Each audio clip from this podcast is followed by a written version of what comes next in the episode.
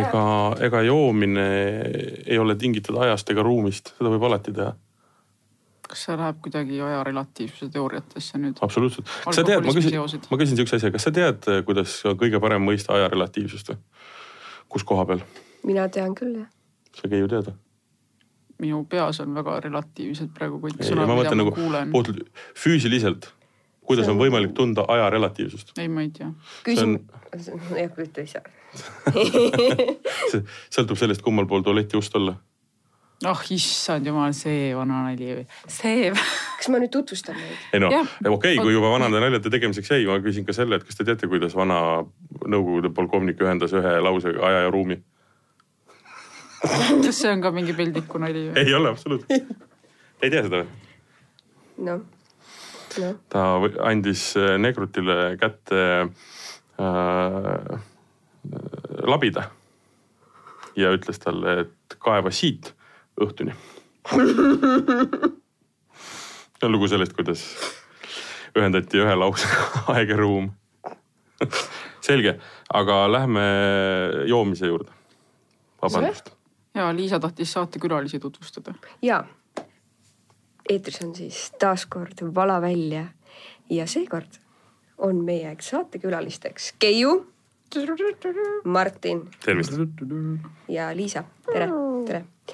ja me otsustasime, et me teeme täna midagi enneolematut, sellise tõelise podcast'i revolutsiooni siin saates Vala välja. ja me räägime ainult iseendast. see oli iroonia.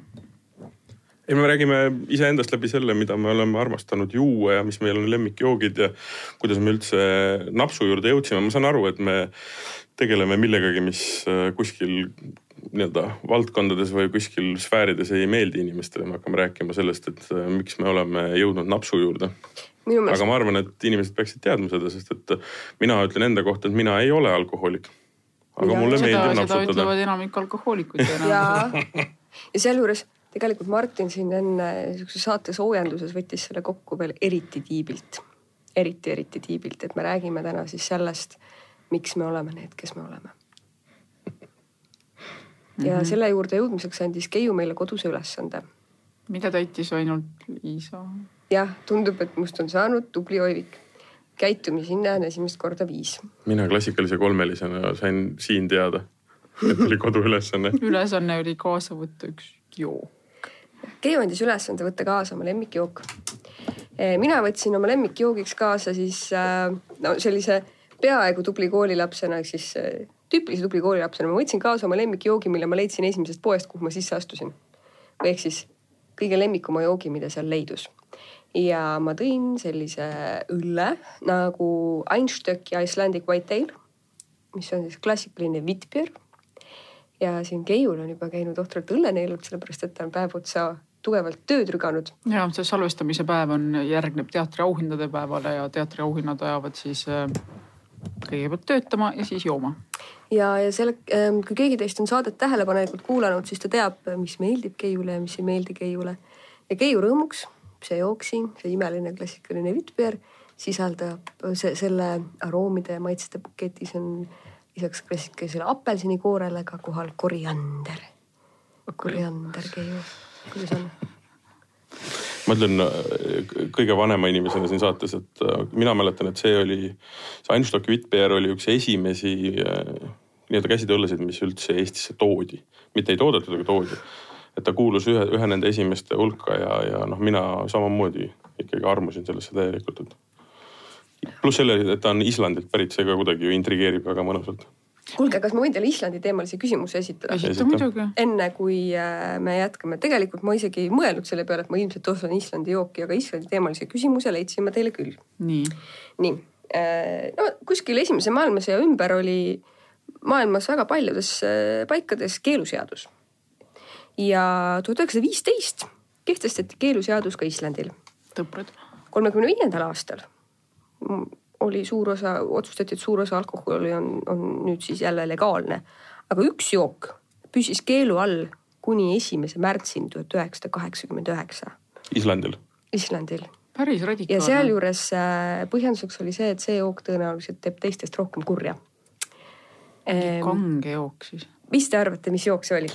kuna mul on Islandil päris palju sõpru ja üks nendest tõi kunagi kaasa ühe musta värvi sildiga mingi kaheksakümne või seitsmekümne viie kraadise ähm, kohaliku napsu ehk siis mingi akvaviti, siis ma äkki arvan, et see on mingi kartuliviin või ei, seda, seda viina võis kolmekümne viiendal aastal jooma hakata mm.? Hmm. Aga ta on aga mingi, selle- on mingi Aga see- kangem asi. siis ma mõtlen, et vaata noh, kui Inglismaal peeti džinne nii hirmus äh, kahjulikuks, eks ju, et oli vaja, oli vaja, nagu me eelmises korral, korral rääkisime, oli vaja joonistada suuri hirmutavaid äh, silte, kuidas džinn äh, tapab lapsi, sellepärast et nende džinnist purju joonud emad viskavad neid tänavale. täitsa vale tee. aga see ei Hmm. pruuginud olla üldse kanguse küsimus probleem on selles, et arvati, et see on lihtsalt asi, mis on nagu nii kergesti kättesaadav ja odav, et kui see on kättesaadav, siis läheb jälle jamaks siis on ikka õlu või? uh. -huh. ongi õlu või? päriselt? õlu, mis oli siis äh, üle kahe koma kahekümne viie kraadi. ühesõnaga seda lasteõlut võis juua vabalt, aga päris õlu tuli alles kaheksakümnendate alguses või? kaheksakümmend üheksa. kaheksakümne kaheksakümnendate lõpus. no see ei tähenda seda, et seda Uh. õlut muidu ei liikunud, aga kaheksakümmend üheksa oli see täiesti siis äh, legaliseerimiskoht õllele mm.. huvitav. huvitav mm,. mõttepaus. aga miks mina seda Islandi õlut armastan? põhjus on hoopis, põhjus pärineb Belgiast, sest äh, ma arvan, et aasta oligi kaks tuhat kolmteist, mina olin tubli usin värske Postimehe välistoimetuse reporter, sattusin ikka Brüsselisse ja siis äh, koos ühe oma klassiõega, kes ka parasjagu Brüsselis töötas, ühe lähetuse õhtul käisime me ühes suurepärastest siis äh, Brüsseli õllelokaalidest, see oli selline kaunis keldri tüüpi asi ja seal me jõime ühte imelist vittpeeri, millel oli selline just väga-väga tugev apelsini ja koriandri maitse, mida Eestis üldse ei müüda, kahjuks. mina ei ole küll näinud. ja siis äh, mõn-, mõni aeg hiljem olles juba kogu lootuse kaotanud, et ma taolist jooki võiksin ka kodumaal kohata, avastasime selle Einstöcki Witbeeri ja sellel tõepoolest on üsna sarnane maitse, kuigi too oli veel palju-palju tugevam. üks jook on veel, mis on sarnase maitsega, see on mingi kiisupildiga Jaapani õlu. kusjuures huvitav on see, kuidas maitsed muutuvad äh, sõltuvalt ajas või ja, ja, ja peaasjalikult mu, mu, muutuvad sinu peas. just see, mida sa mäletad. mina mäletan tohutult täpselt ühte rummi Indiast, selle nimi oli Old Monk, see tuli sellises täidlases pudelis, ilusas, kaunis ja ta oli kohalik äh, India rumm kohas müüdi seda mingisuguse olematu hinna eest ja ta oli täiesti adekvaatne. kergelt magus, mitte väga nii-öelda niisugune tammine ja, ja sellel oli tõesti mingisugune tõsine nii-öelda mõnu, mõnutunde tekitaja sees lisaks alkoholile ja teda sai seal joodud. ma arvan, esimest korda ma käisin Indias kahe tuhande kuuenda, kahe tuhande seitsme, kahe tuhande kuuenda aasta lõpus. ja no ikka ohjeldamatult sai seda seal küpsetatud sisse, ma mäletan isegi episoodi, kus ma sealt mingitel ütleme nii isikliku elu põhjustel otsustasin poole bussireisi pealt kuskil Keralast tagasi keerata ja lennata Eestisse. siis oli vaja sõita alt nii-öelda siis Indiast te Delisse ülesse, et pääseda lennuki peale. ja see oli sihuke viiskümmend viis tundi kestev rongisõit. ja noh, targa inimesena nagu ikka, ühtegi grammi toitu ma kaasa ei võtnud, aga ometigi võtsin viis pudelit Old Monki. No kaloreid kui palju? absoluutselt ja ma üritasin pääseda rongi peale legaalselt ostes piletit, sellest keelduti, öeldi, et neid pileteid ei ole. siis ma üritasin kõikidele anda altkäemaksu, kes vähegi seal seda nägu olid, et nad midagi, millegi eest vastutavad ja see ka ei õnnestunud, mille peale ma otsustasin, et mis nad ikka teha minuga saavad. ronisin esimesse klassi, esimese koiku peale, laotasin oma asjad laiali ja sinna ma jäin. ja iga kord, kui tuli härrasmees, loomulikult noh, ma hakkasin seda monki tarbima, see oli kõige mõnusam. siis ma ütlesin neile, et mu pilet on koti põhjas, et äkki otsite, vaatate teised üle ja siis tulete tagasi. sellega ma pakkisin oma asjad kokku, läksin järgmisse kupeesse, vaatasin vaba koiku, viskasin sinna pikali ja niimoodi sõitsin viiskümmend viis tundi, vahetades, ma arvan, kaheksa korda kohta. sest et lihtsalt ei müüdud piletit, ma üritasin kogu aeg kellegi eest osta. aga lõpuks ütleme, ma olin ikka ja, ja kusjuures kummaline oli see, et Indias inglise keel on üsna levinud ja esimese klassi reisijad on ka või pigem võib-olla haritud. Inglisekeelset inimesi ei olnud, mis tähendab seda, ma olin viiskümmend viis tundi täiesti nagu tumm. ja rüüpasin oma Old Monki, kuni lõpuks ma olin nii deliiriumis sellest jamast kõigest, et ma jooksin jooksin rongis ringi sall ümber pea mähituna. sikikski astusid? absoluutselt, et mingisugustki oma, oma nagu, mingisugustki tegevust leida.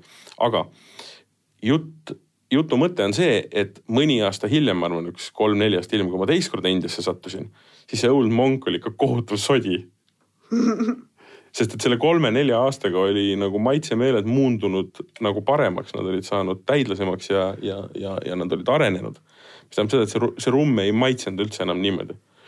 ja ausalt öeldes mul oli nagu väga kahju, mis tähendab seda, et väga tihti on lood äh, selles, et ei tasu uuesti mingeid asju proovida jätta mingi mälestus kuskile alles ja minna mingi muu asjaga üle, et, et sihuke ületestimine võib viia nagu jamasse, seepärast et noh, ma ütlen ausalt, et et need helged mälestused on täna mingisuguse lörtsiga nagu natuke pihta saanud.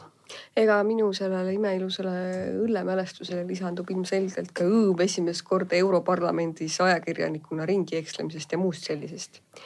aga Keiu minul ei ole üldse nii lõbusaid India mälestusi, küll aga ma hakkasin mõtlema, on üks jook, mille mälestust ei saagi äh, enam neil päevil minu teada kuidagi üle meenutada, rikkuda, mis iganes see sõna on, on Monastõrskaja Ispa. ja selle joogiga mitte ei seostu minu jaoks sugugi äh, maitse, vaid eelkõige hoopis aeg, kui äh, gümnaasiumi ajal äh, te, oli mingisugune periood nagu paljude inimeste elus. alles olema. On, on jätkuvalt toetakse või mm -hmm. minu meelest ma kui Eestis küll ei ole näinud Manastõrski spaad? jah, on. ma arvan, kindlasti on leida. no selge. siin on missioon järgmine no kord. siis, no siis peab vaatama selle kohta. Eh, no ega, ega ma ole. ma, sorry, ma segan korra vahele. Manastõrski spaaga on küll see lugu, et ma kahtlustan, et selle nagu maitset uuesti testides ei ole võimalik lörtsida see, no see võib olla tõsi. igal juhul minu äh, mälestus sellega seostub hoopis äh, perioodiga, mida nii äh, mõnelgi ikka oli meie ajal, ehk siis inimesed kippusid aeg-ajalt bändi tegema. nii ka mina bändi teha väga noh, nagu ega võimeid ja oskusi ei olnud, aga tahtmist see-eest küll. ja meie selline äh, peaaegu punkbänd äh, toona siis tegutses niimoodi, et enne proovi me istusime kuhugi kõrtsi maha. Äh, võtsime lahti mingisuguse raamatu, panime sõrme suvalise sõna peale ja mis iganes see sõna oli, siis selle põhjal me hakkasime kirjutama. ja ma mäletan, et üks lugu sellepärast saigi, äh, sõnad loomulikult ei noh, mingisuguseid nagu lüürilisi elamusi ei tulnud otseselt, aga aga, aga ma siiani mäletan, et äh, meie, ma arvan, et see kõige esimene lugu oli sõnadega, äh, algas Monastõrskaja Hispa sai seda reedel joodud veitse, just punane see mulle maitseb. ja äh, midagi, midagi ta millegi eest siis kaitseb. klassikaline koolibänd. ja absoluutselt, absoluutselt see ja meil, meil oli isegi üks esinemine ja see, sellega umbes kuu või kahega meie seiklusrikas tegevus ka lõppes. aga vähemasti ma saan öelda, et jah, jah, ka mina olen teinud bändi kunagi kusjuures mina olen oma elus kolm korda üles astnud, astunud punkbändi lauljana. igal juhul, igal korral erinevad koosseisud. no kolm korda rohkem kui mina siis. ja kahel korral neist olen ma saanud ka siis äh, ürituse siis äh, parima naispunkartisti auhinna. tuleb küll tunnistada ausalt, et mõlemal üritusel olin ma ka ainus naispunkartist. aga mulle tehti auhinna kategooria mulle meenus siiski üks positiivne lugu ka või noh, positiivne lugu nagu päriselt positiivse maitselugu. Eh, kuna see on samamoodi veiniga seoses, siis mõtlesin, ma räägin ta siia otsa kohe ära. mõned aastad tagasi siis, kui hakkasin päriselt eh, veine avastama niimoodi, et ma juba enam-vähem sain aru, et neil on erinevad maitsed väljaspool seda, et neil on magus ja kuiv mm,. siis üks sõber, kes eh, toob Lõuna-Aafrikast veine, tegi enda juures degusteerimise ja seal oli selline vein, mille nimi oli Missing Virgin.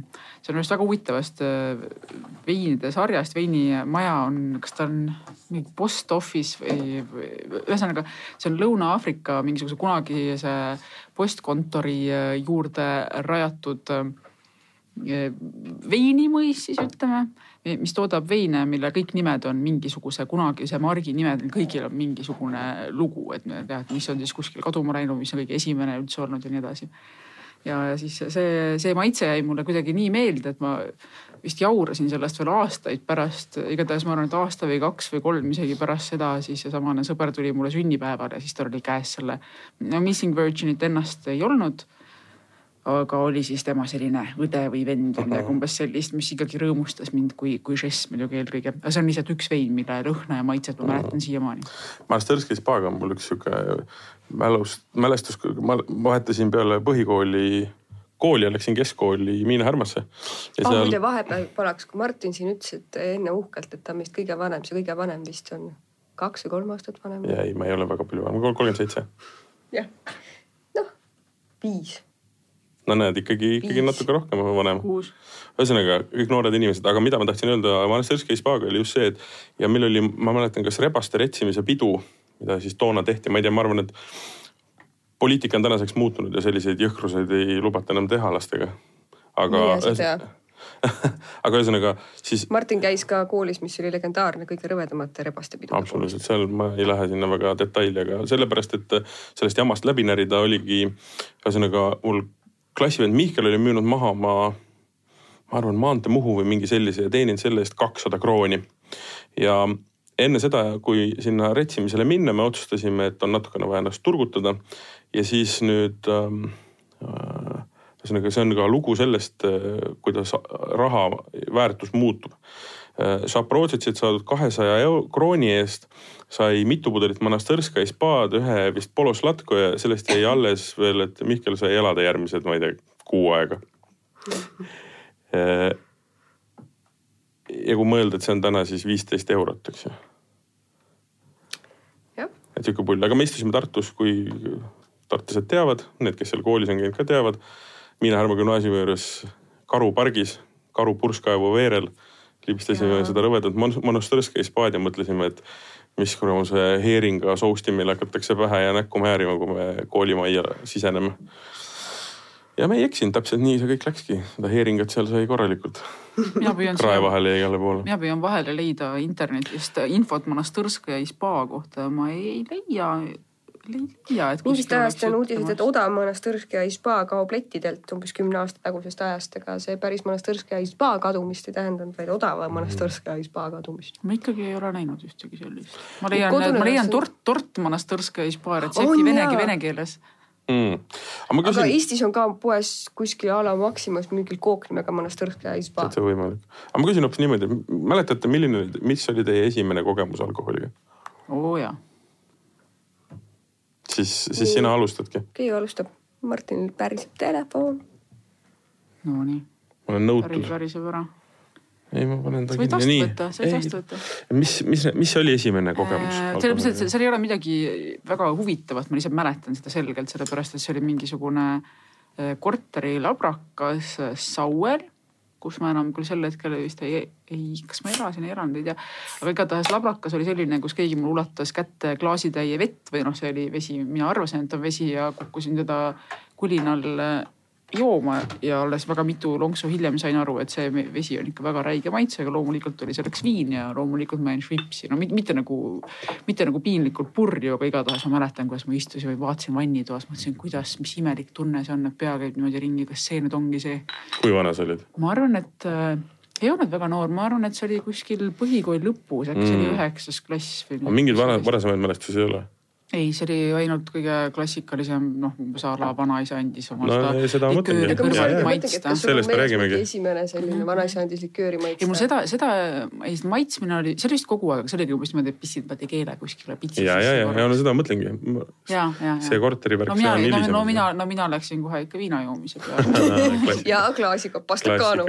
ei, mina tahtsin öelda seda, et täpselt minu vanaisal oli alati väike punsu nurgas, noh nii nagu kõigil oli mingisugune vein seal küpses, eks ju uh -huh.. ja siis tal oli selline, ma ei mäleta, kust ta selle sai või kust see oli toodud, aga sihuke pisike, ma arvan, null neljane, aga sangaga, selline pronksist väike pits. ja siis õhtul äh, see oli hea une tekitamiseks. siis ma mäletan, valati mulle ka natukene ja, ja see, aga ma arvan, ma olin noh nelja-aastane äkki või. aga, aga eriti konkreetne mälestus, mis mul on ka kusjuures iseendal olemas, aga mul vanaema on seda hiljem äh, pikalt, mitu korda rääkinud, oli see, kui mul on suguvõsa pärit ähm, Pärnumaalt ja Toris oli ühtede sugulaste juures mingisugune pummelung. ja ma arvan, see oli mul vanaonu sünnipäev või midagi sellist ja siis seal oli loomulikult äh, koduõlut tehtud. Ja koduõluvaht magus, mõnus ja, ja siis oligi see, et ma käisin kogu aeg, kui teised istusid peolauas, lapsed olid ju noh, ka toona kedagi ei jälgitud laua all ja igal pool. siis ma käisin kogu aeg seda vahtu sealt toomas. kuni lõpuks ma olin nii jommis ja vanaisa, vanaema on seda pärast rääkinud, et ma olin maganud äh, kuskil toas kušeti peal, nii nagu ikka klassikaliselt magatakse. viimane jalg ei olnud suutnud enam või teine jalg ei olnud suutnud enam äh, ise tõsta diivani peale, ma olin seal kuidagi lääbakil niimoodi poole kehaga diivani peal. ja siis vanaema oli käinud ja röökinud mööda korterit ringi, et poiss on purjus, poiss on purjus. Aga no midagi ei ole teha, ei ole vaja õllevahtu teha nii magusaks. siit moraal, tehke ipat ei tehke ihvat, ega mina ei teadnud, et niimoodi juhtub. nii magus, maius ju minul on selline ikka lapsepõlve alkoholi kokkupuute mälestus. ma arvan, et seda vanaisa ja tegelikult äh, vanavanaisa koduõlle, koduveini maitsmist, seda kindlasti oli. mu vanavanaisa suri üheksakümmend viis, nii et üks neist. Nii et temast on mul päris põhjalikud mälestused tegelikult. tema ajas üheksakümne viie aasta vanusena, mitte üheksakümne viiendal aastal? aastal üheksakümmend viis. ahah, okei okay aastal üheksakümmend viis, ta ei olnud üheksakümmend viis aastat vana, ta oli noorem. aga siis äh, seda, et, et ilmselt seal oma Lõuna-Eesti sugu, suure Lõuna-Eesti suguvõsaga sünnipäevi pidades niimoodi hästi vaikselt koduveini natukene sai mekkida, seda kindlasti oli, aga mul on üks selge mälestus. ja see on õndsa kapitalismi saabumisega seotud. nimelt äh, ma, ma kahtlustan, et võis olla minu isa sünnipäev või ema, aga pigem võib-olla isa ja siis äh, õndsa kapitalismi saabumisega saabusid ka sellised asjad nagu toonikud ja oli toonik Red Mixer. mäletate mm.? täiesti null mälestust. igal juhul Red Mixer, see oli selline, ma arvan, eks ta mingi kreibitoonik ilmselt oli või ta oli sihuke mõrk ja maitsega roosalimonaad põhimõtteliselt. ja noh, loomulikult oli siis popkraam, mida viinaga juua ja ega mul minu perekonnas nagu peod mingisugused hirmus suurt labrakat pole kunagi olnud, aga no loomulikult joodi kokteili ja minule maitses kohutavalt see Red Mixer, see oli, oli tohutult meeldiv asi. ja siis, kui käis peolaua koristamine, siis vaatas väike Liisa, et oi-oi-oi, terve klaas toonikut on jäänud alles, sellist asja küll raisku ei lase. ja panin korraliku klõmmu, võib-olla mitu klõmmu, sest no ikkagi väärt kraam.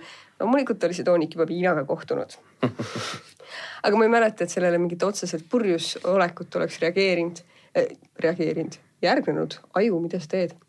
et sellel oleks otsest purjusolekut järgnenud, küll aga oli see väga traumeeriv, et minu maitsev toonik oli sellise koleda asjaga nagu viin ära mhm. rikutud. aga kuidas teie need lapsepõlvemälestused on seoses äh, perekonnaga just, äh, kuidas nagu see vanemate või vanavanemate suhtumine alkoholi oli näiteks?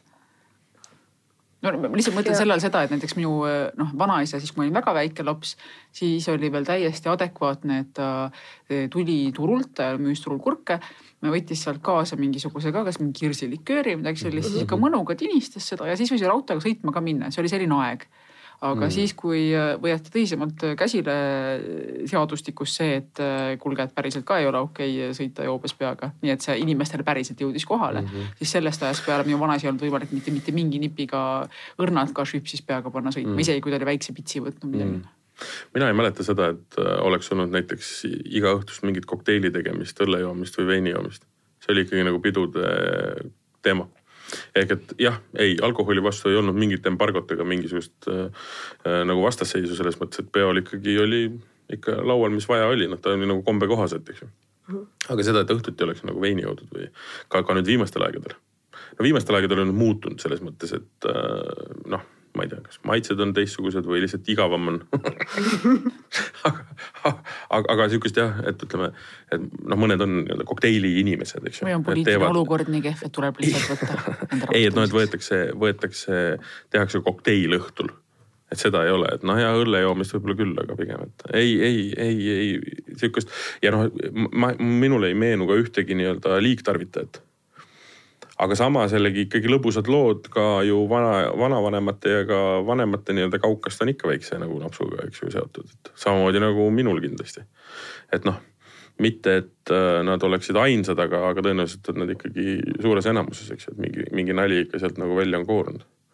Minu, kui ma mõtlen selle peale, kuidas minu perekonnas on alkoholi tarvitamisse suhtutud, siis seal ongi, seal on selgelt näha erinevad suunad, kuhu vastavalt siis sellele, et milline kogemus alkoholiga mingil suguvõsaharul on et äh, sealpool, kus on olnud ikkagi selline mõni ka alkoholiga rohkem kimpus olnud meesisik, siis sealpool on ikkagi nagu selline, et on ikkagi oluliselt ettevaatlikum suhtumine, on ju, aga samas ongi alati olnud see, et, et jah, mingit embargot otseselt ei ole, et kui on pidu, siis peolaual on ikka pudelid, ainult et sinna juurde võib käia selline, et oi-oi-oi, ära sa nüüd liiale mine, mis on korraga naljaga ja samas ikkagi ka tõsiselt öeldud. aga samas minu selle suguvõsa osa juures mul on selline, mul on peaaegu nagu suur Itaalia perekond, minu Lõuna-Eesti suguvõsa, keda meid on no ikka üsna palju ja kes me ka tegelikult omavahel päris kenasti läbi käime sünnipäevadel ja pidudel. et seal on alati olnud selline hästi kerge ja lõbus ja samas väga mõistlik suhtumine alkoholi, et mulle tundub, et see, see isikliku eeskuju asi töötab ikka jube hästi inimeste peal vist. Et kui sul on lõbus tore ja, ja samas mõõdukas suhtumine ees, siis see vist tõepoolest mõjub. küsimus on pigem nagu targas tarbimises.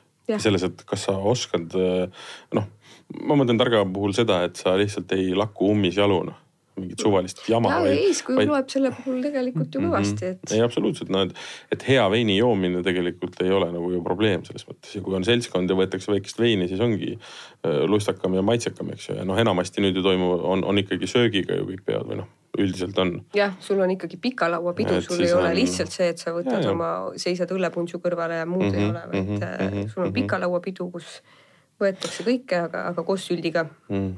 aga see on huvitav, et me, meil on ikka pigem olnud niimoodi, et on mingi, mingid inimesed, kes on pigem napsulembesemad ja teised nagu ei ole ja see, ja see, ma ütlen järjekordselt, see vahe tuleb sellest, et eh, kui on pidu, siis on pidu eks ju mm -hmm., noh, sõltuvalt olukorrast ja ajast võib-olla on nagu pidu väiksem või pidu suurem, eks ju.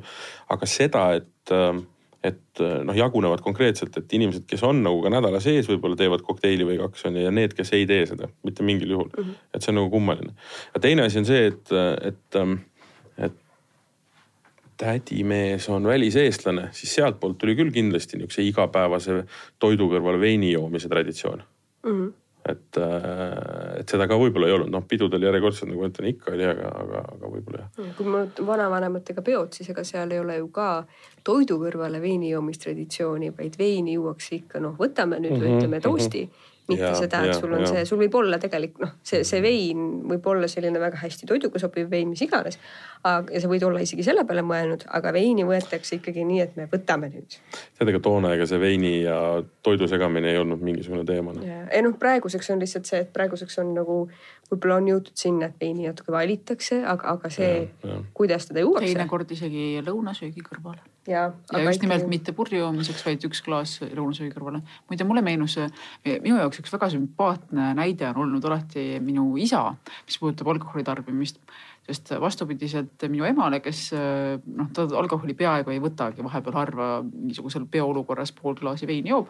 minu meelest võiks rohkem võtta, ta on iga kord on pärast nii rõõmus aga, aga, isa oli noorena, laulis Tipi meeskooris ja ütles, et sel ajal oli neil alati, reegel oli see et juua võib, aga purju ei tohi jääda. Mhm. ehk siis nad kõik olid sellised, nii nagu ma olen tema kirjeldusest aru saanud, sellised suured õllesõbrad olnud. aga seda, kui keegi meeskoori liikmetest purju jäi, siis seda ei vaadatud üldse hea pilguga. ehk siis mhm. äge ei olnud juua purju ja teha mingisuguseid vägitegusid või äh, midagi rumalat, vaid oligi, võtsid rahulikult õlut ja, ja, ja ausalt öeldes ma olen oma isa vist jah, et ma, ma, ma näen teda enamasti õhtuti nädal või noh, nädalavahetusel, kui või mingisuguses peoolukorras tal on ikka on kas mingisugune õlu käes või mhm. võtab klaasi veini, aga ma ei ole mitte kunagi enda teada teda purjuspäi näinud mm. -hmm. sellist hetke ei ole olemas minu jaoks. kusjuures seesama lähenemine, et võtta võid, aga purju ei tohi jääda, on, mulle tundub, et see on ka selline minu perekonna põhimantra alkoholi suhtes, mis muidugi ei tähenda seda, et tegelikult käib sellise pika laua peo juurde ka see eriti kui on kriitiline mass omavahel hästi klappivaid meesterahvaid koos. sinna käib juurde ka see, et mehed hakkavad maailma parandama yeah.. kui minu vanavanaisa veel elas, siis see maailma parandamine käiski nii, et mehed võtsid niimoodi poole ööni võisid istuda laua taga ja maailma parandada selle käigus. võeti ikka omajagu. aga see käis, no eks ilmselt selle tunde juurde, et meie küll, meie oleme võtnud küll, aga purju me ei ole ennast kunagi joonud. selle tunde juurde käib kindlasti see, et kogu see võtmine toimub laua taga istudes püsti ei tõuse, paistabki, et kõik on korras. ütleme nii, et äh, ka minul on see mantra, aga ma eksin selle vastu väga tihedalt ja ütleme nii, et äh, ma olen ka korporant olnud, mis tähendab seda, et äh, seal me üritasime ka kogu aeg selle vastu võidelda, et juua võib, aga purju ei jää, aga lõpuks oli vaja ikkagi üks sõber võtta ühe käe, ühte käevangu ja teine teise käevangu nad koju viia ja siis vaadata, kas ise jõuad ka. oled olnud, kas tahtsin... enam ei ole? Ei olen ikka, aga, aga ma tahtsin öelda seda, et see huvitav ähm, ütleme maailma parandamise motiiv, eks ju vanasti kutsuti seda maailma parandamiseks, täna kutsutakse seda tiksumiseks, eks ju. siis, siis üks asi, mida ma tegelikult ka igatsen. ma tõsiselt ja tõesti süvati igatsen seda tiksumist köögilaua taga maailma toimus parandamine on väga ja ma ei mõtle ise ainult äh, nagu ma nagu, nagu köögilaua taga, aga ma mõtlen ka kõrtsis ja kus iganes kellegi juures seda tiksumist, kus vahepeal ei öeldudki mitte midagi, aga lihtsalt sihukene nagu mitteverbaalset äh, sihukese sideme loomine. ja, ja ma ütlen ausalt, mul ei ole enam viitsimist sellega tegeleda, see on nagu kummaline, et ma, ma nagu, nagu vaimses mõttes või, või, või, või nagu mõtte mõistes ma tahaks sellega tegeleda. aga mul tuleb kell üks uni peale kuule, ma olen Ja- sinuga ja täpselt ma- samas paadis. ja ma ei suuda ja ma ei suuda nagu ikkagi nagu tiksuda niimoodi kella nelja või viieni mitte millestki rääkides. et vot see on asi, mida ma igatsen, no siis tuleb millestki rääkida. aga, aga aga, aga tihtilugu ei ole sa olnud äh, piisavalt tarmukas, et äh, partnerid õigesti valida. on olnud inimesi, kellega on väga tore olnud alguses, aga siis on juhtunud see episood, et, et nemad hakkavad vastama sulle mitte iga teisele ega kolmandale, aga iga üheksandale lausele näiteks. sihukest dialoogi on väga raske pidada mulle meenusid kööginurga jutud sellega, sest jällegi ilusamaid hetki. see, oli kõik see aeg, kus jällegi siseruumides suitsetamine oli moes. Seda kõik tegid. millega seostub teatav nostalgiaga, mida Sellega- samas tagasi jaa. ei tahaks mitte mingil juhul. absoluutselt, kõik haises alati, sa voodis käia kuskil trõve pärast, aga samamoodi toimis sees äh, toas suitsetamine oli ka täiesti teema või tähendab toas vist isegi mitte, aga köögis küll. ja, ja mulle meenuvad ikkagi mingisugused äh, ajad, ma ei mäleta, see võis olla muidugi kas võib-olla isegi mitte gümnaasiumi lõppu ja kuskil bakalaureuse alguse ajast kus ikka oli kombeks, et äh, mõtlesime välja mingi retsepti, mis loomulikult pidi sisaldama õige pisut veini. siis läksime poodi, ostsime kaks veini, jõime neist poolteist ära ja siis, kui väga tegime hästi läks. makaronid. ja, ja siis kui hästi läks, siis äh, nagu oli meeles see natuke sortsukene veini ja jätta ka toidu jaoks, aga üldiselt tuli minna siis lihtsalt mõne aja pärast uue veini järele. Need olid väga ägedad hetked, aga no köök oli tõesti Auschwitziks suitsetatud, et seal ei ole midagi teha. see, ma mäletan neid, neid, neid ütleme tube või ja, ja kööke on küll olnud, kui astud sisse ja vaatad, et mitte kedagi ei ole, siis leiad ühe tooli, istud maha ja kõik on seal. sinine foon on olnud, ütleme niimoodi seal kahe meetri kõrgusel, aga meetri peal on juba täitsa okei okay, kõik. kui me siia, tegelikult me jõudsime üsna eksistentsiaalsete hetkedeni, onju. et minu jaoks äh, üks valdkond, millega selgelt alkohol seostub ja lapsepõlvest ja juba ja ka sellisel rituaalsel positiivsel moel on matused. Nonii, väga morbiidne. surmematused, minu lemmikteema, ma praegu loen ühte raamatut ka sel teemal, see on, see on raamat sellest, kuidas minu minu lemmik, minu lemmik Youtuber, kes on surnumatja. ainus Youtuber, keda ma jälgin. ma tema mõtlesin, et sul on lemmik Youtuber on surnud ja sa ikka jälgid teda. ja andunud, ei see. raamatu nimi on Smoke gets in your eyes and other lessons from the crematorium. Caitlin Doughty on autor ja tegemist on siis, tegemist on looga sellest, kuidas temast surnumatja sai ja kuidas ta algus, kuidas ta läks äh,, algab sellest, kuidas ta on esimest päeva krematooriumis tööl. aga noh, nüüd on natuke ütleme surmateemad vist võlunud lapsest peale. vaata ka, olen viieaastane, laman öösel tunde üleval ja mõtlen, issand, kõik surevad ära, aga ega mul ei ole kellegi käest midagi küsida ka, sest need surevad ju ka ära. keegi ei oska mulle mitte midagi seletada selles osas. sihuke laps ma olin väga rõõmus laps muide. muidu, aga see käis asja juurde. aga alkoholi seostumine matustega on see, et noh, üks on see, et isegi siis, kui tegemist ei ole nagu väga rituaalidest läbi põimutud matustega, siis minu meelest matused on üks koht, kus inimesed, kes võib-olla muidu sinna poolegi ei vaata, kipuvad võtma ikka pitsi viina, õigemini mitte ei kipu, vaid see käib ikkagi asja juurde, üks pits viina matustel. teine asi on see, et minu Lõuna-Eesti suguvõsa, minu suur tore Itaalia pere, seal on ikkagi sellised äh, korralikud Võrumaa matused, mille juurde käivad ristipuud ja ristipuu ja, ja siis ka ei ole setumatus, kus on põhjalik söömine haual, aga on ikkagi see pits Mm -hmm. Pits risti, ristipuud lõigates, kusjuures ristipuu juurde läheb ainult see, kes risti lõikab. pits ristipuud lõigates ja pits haual Mm -hmm. ja see on kuidagi ähm,. ma isegi ei ole kindel, kui vana ma olin, kui ma esimest korda sellistel matustel käisin, tegelikult ega ma väga, väga väike ei olnud. nõks üle kümne äkki. aga ma mäletan seda mul on meeles, mu vanaisal on niisugune spetsiaalne väike alus, kuhu, puust alus, kuhu peale käivad pisikesed pitsid, mis on, see on matuse mm., matuse viina alus ütleme tegelikult, kui, kui minna täiesti algusse kõikide traditsioonidega ja selle traditsioonide seotusega alkoholiga, siis noh, ütleme, see ongi huvitav, et põhimõtteliselt ei ole mitte ühegi ürituse juurde ju vaja alkoholi juua noh, midagi ei juhtu, kui ka ei jooda või ka ei sööda. aga noh, kõik, iga viimane kui traditsioon, iga viimane kui selline noh, nagu tegevus ma ei tea, on seotud äh, alkoholiga, võtame ka kõige lihtsamad trafaretsed, nad lausevad, et võta pits ja pea aru. eks ju, noh, et, et tegelikult need on kuidagi süvitsi hakatud kuskilt otsast nii-öelda sisse söötma. ja lõpuks on jõutud nii-öelda tulemuseni, et me eeldamegi, et kõik viimane kui tegevus peab olema alkoholiga seotud või noh, peab olema see, see, see on seal nagu, nagu kaastegur, eks ju. Ähm, äh, et noh et noh, matused on, mina mõtlen nagu sedapidi, et matustel on alati põhjust juua, eks ju. suvel on, suvel on kurb ja talvel on külm, eks ju. talvel kurb ei ole ei noh, talvel on, no talvel on nii külm, et kurb ka ei ole, aga külm on. aga suvel on lihtsalt kurb, aga, aga, aga noh, ütleme nii, et nojah ega pulmadega on ju sama lugu selles mõttes, et pulmas on ju veel rohkem. talvel on külm ja suvel on kurb aga ütleme niimoodi, et ei no pulmades võetakse lihtsalt äh, ju rohkem erinevat moodi ja, ja toastid ja, ja noh, seal on ikka väga palju erinevaid. vaata, Keilul on nii morbiidne nägu peas, et ta tahab veel matustest rääkida mul on ja mul on üks, eh, mul ei ole matuse lugu vahele sulle, enne kui sa lähed rõõmsate teemade juurde, võtame ikka järjekorras, eks ju. aga eh, käisin paari nädala eest äh, Viljandis, kus parajasti tähistati Kalju Komissarovi sünniaastapäeva küll, aga tema sünni ja surma aastapäevad on muide mõnepäevase vahega. Ehm, ja seal käidi ka Kalju Komissarovi haual, sellepärast et Heigo Teder äh, Ugala teatrist üleüldse väga hea meelega käib ja viib inimesi näitlejate haudadele.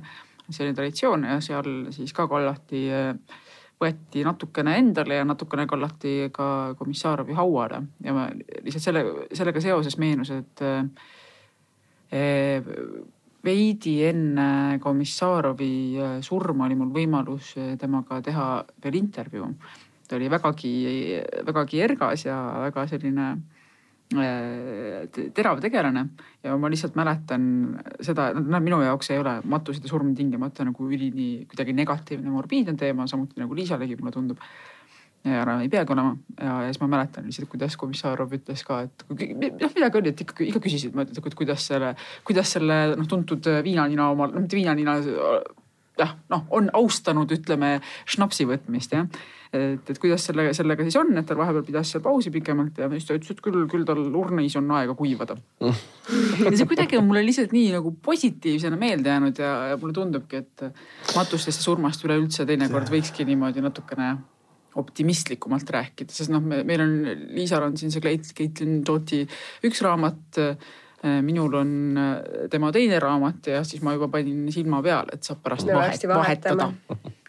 no aga ütleme niimoodi, et äh, kui sa mõtled noh, kõikidele asjadele, mille juurde alkoholi tarbitakse, siis see viibki nagu selleni, et kui see ei ole sihuke laostav lakkumine, eks ju, siis noh, midagi ei ole teha. see on jook, mis avab nii-öelda kiirendab ainevahetust avab põhimõtteliselt tšakrad, lööb näo õhetama ja teeb su nagu avalamaks. Ja nüüd, nüüd ongi küsimus selles, et minu filosoofilises mõttes kõige olulisem küsimus on see, et kuidas saada võimalikult kiiresti inimesega jutule ja noh, tekitada mingisugune side, sest ega muud siin maailmas nagu olulist ei ole, eks ju.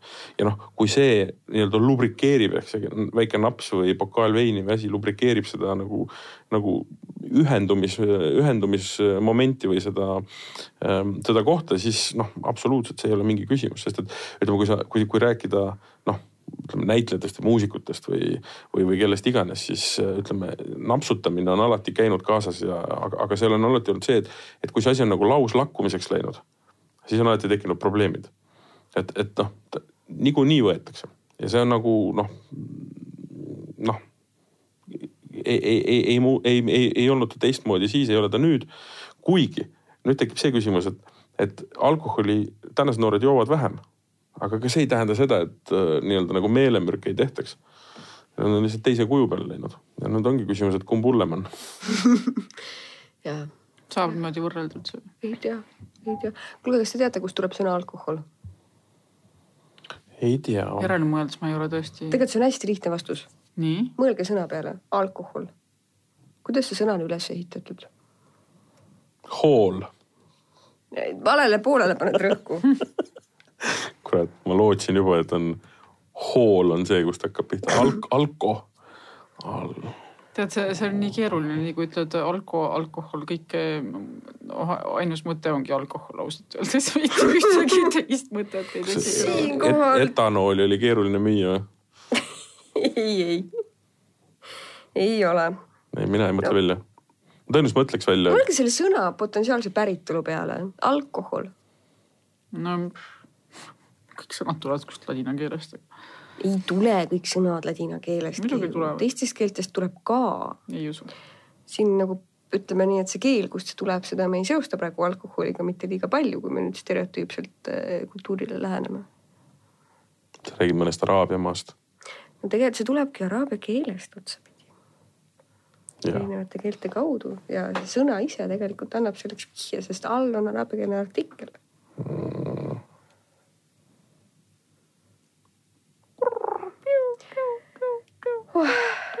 Seda tollidega ma ütlesin sulle juba saate alguses.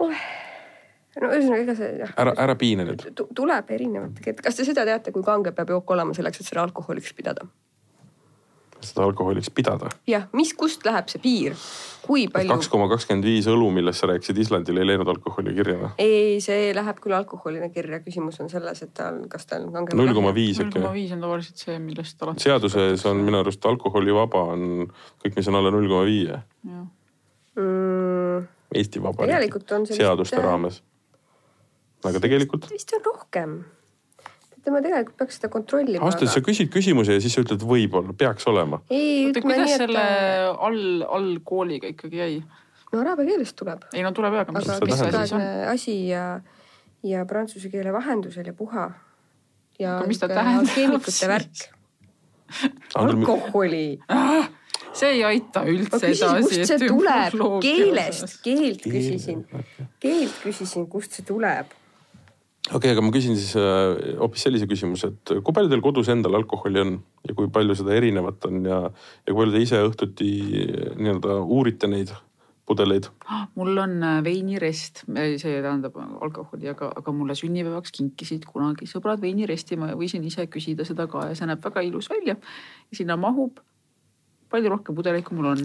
täna hommikul vaatasin ma just tahtsin vahele öelda, et äh, nii niisugust äh, süüdimatut enesereklaami ja palvet, et keegi saadaks talle resti peale veini ei ole mul kunagi kuulnud. siis mul on ainult üks pudel veini seal, aga, aga mahuks palju rohkem.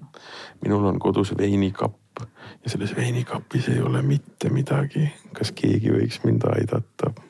selle va- vaeste alkoholisõprade klubi. tegelikult selle alkoholi seal etümoloogia on taga on see, et see kaheksateist võib tulla, kohta. see võib tulla, see võib tulla sõnast, Seal mis on tähendab nagu halba, halba tulemust ja peavalu ja paha mõju, aga iseenesest see tuli alkeemikute sõna ja sinna saab panna ka kangeid napse. sensuaalne see on, Martin saatke palun mulle juua.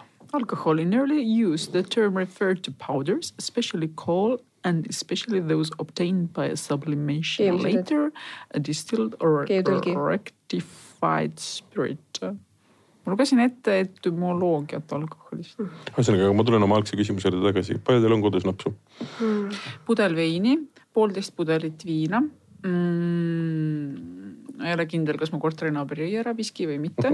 ta nimelt äh, kaotas vahepeal oma passi ära ja selle asemel, et täna õhtul Ameerikasse minna, siis äh, ah, ta vist ei, peab viskit jooma selle ja, ja sinna oma muret leevendada. ma loodan, et selle aja peale, kus saade läheb eetrisse, on ta siiski jõudnud.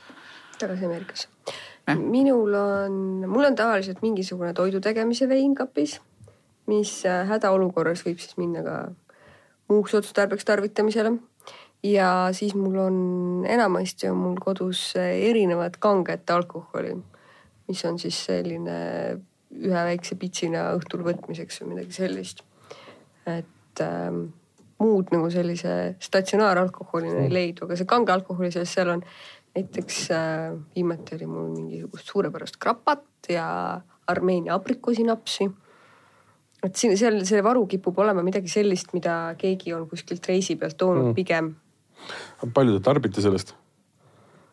see püsib ikka kaua ja, ja vot minu, miks ma küsin, ongi seesama, et minu hirm oli ka, et kui ma omale baarikapi loon ja veinikapi panen, et, et siis noh oh, oh, oh, oh, et siis ütleme, eks, eks ma, eks ma kuu aega selle kõik omale sisse ka kaanin, eks ju. aga mis on muutunud, on see, et ma joon kodus hoopis palju vähem.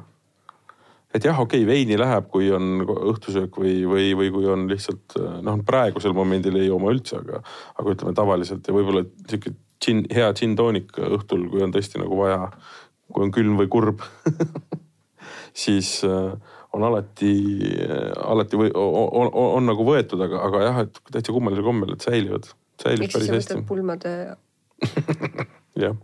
mul on üks pudel veini, mis on, äh, mida ma sain e-, eelmisteks jõuludeks ja mis siiamaani ootab, ma kuidagi enda peas mõtlesin ma isegi mitte ei säilita teda niivõrd selle jaoks, et oo, mis huvitavad maitsed sealt tulevad, sellepärast mul just ei ole enne ja pärast võrdlust nagunii. sest mul on üks pudel, mitte rohkem. Aga, aga ma hoian, ma olen kuidagi mõelnud, mulle, minu jaoks on sellised igasugused nagu narratiivid, mis asju puudutavad hästi olulised, mingisugused žestid. Äh, samamoodi nagu Liisaga meil on klassikaline igakevadine kevadmull, mis. sel aastal on veel joomata. sest külm on aga kui soojaks läheb, siis me kohe läheme jooma. tähendab võtma, tähendab maits-, äh, nojah. me korraks kaalusime seda ka limonaadiga tegemist ja mõtlesime ümber, et see ei ole ilus. see ei ole see jah aga see vein ootab, minu peas on ta lihtsalt seostub sellega, et ma tahan mingisugust kuidagi nagu, ootan mingisugust väga õiget inimest, kellega seda juua. ma üldse, ma ei tea veel, kes see olema peaks, kas see peaks olema mu sugulane mõni või sõber või, või midagi muud. aga ma kuidagi, mul on sihuke tunne, et ma ootan, et ma ootan mingit sellist hetke, kus äh, oleks keegi, kellest ma tunnen, et ta võiks seda hinnata sama kõrgelt kui mina ja, ja mitte nagu juua seda lihtsalt mingi söögi kõrvale või lihtsalt, paljastas meile, milline kui elitaarne tegelane ta on mm.. keegi, kes hindab seda sama kõrgelt kui mm. tema. mitte sama kõrgelt, vaid ta selles hetkes hindaks ja mina oleksin samamoodi selles hetkes hindaks, sest mõnikord ma tahan ka niisama šnapsi võtta, mõnikord ma tahaksin nagu teadvustatult läheneda ja need on väiksed rõõmud, mis, mille tundmine mulle tundub, näitab peamiselt seda, et me oleme heas kohas, kui me saame endale lubada kasvõi sellesama saatega siin tegelemist ja sellistest asjadest mõtlemist, et meil on nagu järelikult Maslow püramiidi esimesed astmed on ikkagi täidetud, et me saame mõelda, millised aroomid ja nostalgilised mälestused ühe või teise alkoholiga seostuvad. kusjuures minul on, mul on üks pudel tegelikult, ma ei teagi praeguseks, mida täpselt, sest see pudel on seisnud hästi kaua. see vist oli ikkagi mingisugune lihtsalt mingi vahuvein mille mulle kinkis nüüdseks äh, tegelikult kümme aastat tagasi üks sõber ja siis mul oli lihtsalt tol hetkel, kui ta see mulle kinkis, mul oli plaan, mul oli nagu kindel plaan, mis sündmuse puhul ma selle ära joon. aga see kuidagi jäi ära. ja siis mul oli järgmine plaan, millal ma selle ära joon. ja kuna seda sündmust, mille puhul ma selle pidin ära jooma, ei ole siiamaani juhtunud mm, -hmm. siis on see endiselt alles. aga ma võin teile öelda, et varsti ma selle ära joon. pulmatus sünd, mis see on? ei ole kui ma olen selle ära joonud, siis ma paljastan selle. selge, selge, selge. aga mul on veel üks küsimus ja see küsimus on selline, et mis, millise inimesega, surnud või elav, te kõige parema meelega ühe napsu teeksite?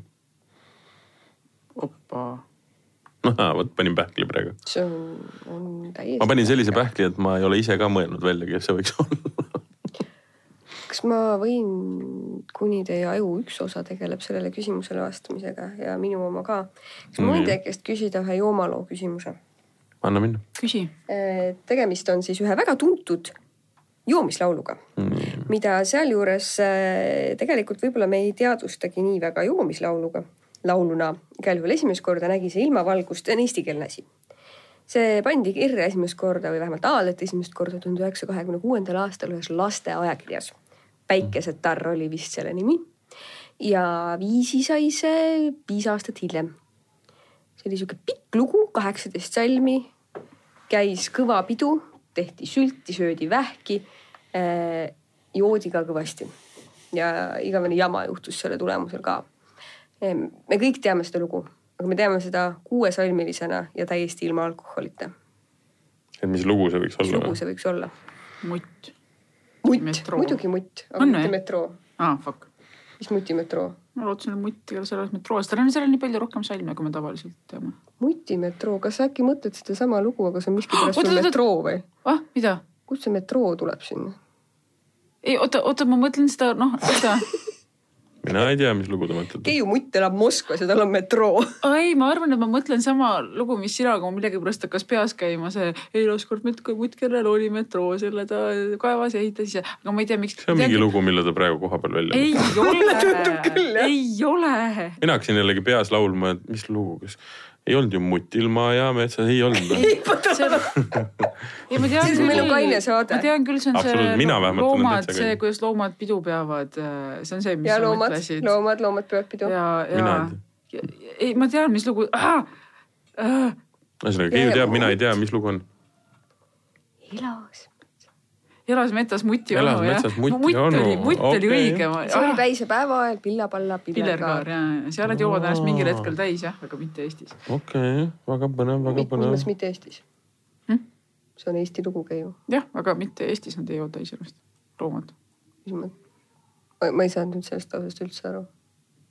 Eestis ikka, tuhat üheksasada kakskümmend kuus, kakskümmend kuus. Eesti lugu, siis nad puhas olid Eesti täis. Vabariik, Pätsu-aegne, ei, siis ei olnud veel Pätsu-aegne. ei, ma, ei, Tõnissoni ma aegne. mõtlesin, ma ei suuda ennast üldse väljendada täna enam. minu mõte oli selles, et, et Eesti loomad ei joo ennast täis selles versioonis, mida me teame, järelikult on loomad väga toredad ja vahvad ja nad on EKRE, nad on EKRE loomad. ju, Nii, aga, poliitilisi seisukohti ei avalda. küsimus, mis oli mul enne? kas te olete suutnud välja mõelda? Ma tahan öelda olulise statement'i, et tegelikult miks ka minu kodune väga maitsva kange alkoholivaru püsib, on see, et tegelikult meeldib mulle olla kaine. Hmm. aga kellega ma jooks? väga raske ülesanne, kuna ma praegu loen seda raamatut, siis ma hea meelega võtaks ühe klaasikese sellesama Caitliniga ja räägiks sellest, kuidas me mõlemad lapsepõlv, millised imelised surmafantaasiad meil mõlemal lapsepõlves olid, ma juba tean raamatust, et tal olid. Keiu, mina, tead, ma ei oska kohe välja mõelda ühtegi konkreetset inimest, aga mul selline asi on küll, et kui vahepeal, kui, kui ma olen tutvunud mõne uue inimesega, kes mulle tundub ühel või teisel põhjusel huvitav, jällegi soost eesmärgist sõltumata, ükskõik kas äh, jah, mis iganes, siis siis mulle meeldib võtta kas äh, mere ääres äh, väike pudel viina kahe peale ja hapukurki kõrvale või, või veini samamoodi kuskil, ma ei tea, mulle ma ei, ma ei, ma ei tea, kas see on nagu halb, aga mulle kuidagi tundub või mulle meeldib eh, inimesest teada saada rohkem sellise ühe õhtuga, kus sa võtad rahulikult veini ja ma ei tea, no nii on. Martin, ma arvan, see, sina võiks nüüd ikka välja käia ühe põhjapaneva nime. see, selle nimega on keeruline tõesti. sest et äh, ütleme, legendaarsed napsuvennad, ma ei kujuta ette, kas nendega oleks üldse millestki rääkida, ainult juua. Ja siis nende, kellega võib-olla oleks lõbus rääkida ja ei tea, kas nad napsuvennad olid. aga ma hakkasin mõtlema, et minu üks, üks lemmikuid kirjanike poole pealt on Charles Bukowski. äkki temaga oleks hea laaberdada üks õhtu mööda linna aga ainult üks õhtu. aga ainult üks õhtu. ja teine mees, kellega võiks olla lõbus, on, on muusik, aga kelle nimi mul ei tule nüüd meelde, kes on ka mulle oma lugudega väga nagu sügava mulje jätnud ja tal on laul nimega, nime ei ole see, aga seal on fraas, kus ütleb, et eh, ilgelt halvasti mängib klaverit ja siis ütleb, et klaver on joonud, mitte mina. Piano has been drinking not me. kes see laulja, mul ei tule meelde see me kõik teame. mitte Lou Reed, ma tahaks öelda, aga jah, kähedahäälne vana. ühesõnaga, okei okay., aga ütleme nii, et äh, Tom Waits. Tom Waits on Tom täpselt jah., Tom Waits on, on, on, on ka hea, ma arvan, temaga oleks ka täitsa tore laaberdada hmm?. ma mõtlesin välja David Bowie Mm -hmm. ja siis äh, selline värskete uudiste teemal, kes küll täna meie salvestamispäeval meie seast lahkus, Jane Paberit. Mm. Mm -hmm. Mm -hmm. no see seob selle teema kenasti kogu Caitlin Jootsi teemaga kokku. nii, kas me jätame mõned äh, lobisemisjutud kunagi hilisemaks ka? me ei saa nii morbiidselt lõpetada mitte mingil juhul. aga me võime lubada, morbiidne, on ilus. aga me võime lubada seda, et äkki me teeme ühel ilusal päeval äh, sellise väga kultuurse joomist, veel kultuursema joomisteemalise saate ja räägime näiteks äh, lemmik joomislugudest, äh, selles mõttes ilukirjanduslikest, kas muusikas või äh, ja, raamatutes. ja, ja kõik, kõik need autorid, kelle tegelased seostuvad ühe või teise alkohoolse joogiga ja kellest mõned autorid ei teadnud üleüldse selle joogi toimet liiga hästi ja panid oma tegelased natukene üle mõistuse palju jooma, teadmata, et et nii see asi ei käi. no räägi see lugu ära siis juba. ei räägi, kes see oli? ei räägi, ei räägi. hea küll, järgmisel korral. eks need. In the wine there is wisdom, in beer there is strength, in the water there are bacteria. sihukest asja lugesin praegu. ühesõnaga, kui teil on äh, pretensioone ja küsimusi meile, siis äh, kirjutage meile vala.delfi.ee. ja kui teil on mingeid lõbusaid lugusid, mis teil endal samamoodi pakitsevad sees oma lapsepõlvest, esimestest kogemustest napsudega, mis teil on lemmikjoogid. või lemmikmatustest. lemmikmatustest ja nii edasi, siis pange need meile kirja, me avaldame need hea meelega oma Facebooki lehel. aga ma loodan, et see oli lõbus teile kuulata, kuidas kolm külalist äh, tühjas stuudios, ma ei tea, kus see saatejuht läinud on, jaurasid oma, oma mälestusi. ja kui ei olnud lõbus, siis eh, te ju isegi nagunii ei kuula enam, sellepärast sellisel juhul on see ammu kinni pandud. see on kõik hästi. et see oli ennasttühistav väide. me oleksime tõenäoliselt pidanud alustama sellega, et soovitama kõigepealt, et millised napsud te peaksite avama selle, selle saate juurde ja nüüd tagantjärgi te võiksite teha lahti ühe pudeli head nisuõlut, ühe ja. pudeli head punast veini ja minu poolt valega üks gin tonic ja siis hakake seda saadet uuesti kuulama tulevad hoopis põnevamad mõtted pähe. see oli Vala välja ja. kaheksas osa. aitäh, Martin, aitäh, Liisa. üheksandas osas Keiu. Keiu räägib meile siis, kelle tegelasi ta silmas pidas. oo oh, üheksandas osas me veel ei tea, mis me teeme, aga me arvatavasti kõige vist tõenäolisemalt lähme äkki kohvi juurde. ja meil on tule, meil on igasugused joogid rääkimata veel kohvid, kohvidest, kohvidest, teedest topsiringidest, pilliroost ja makaronidest. topsiring ei ole sama asi nagu seenering. jah. ei no meil on veel veinimaailmas nii palju ringi uidata ja meil on nii palju õlle ja, ja muus napsumaailmas ringi uidata, et küll meil on siin aastateks küll lobisemist. noh, aga lõpetame nüüd ära. tõmbame joone alla jah. no tšau.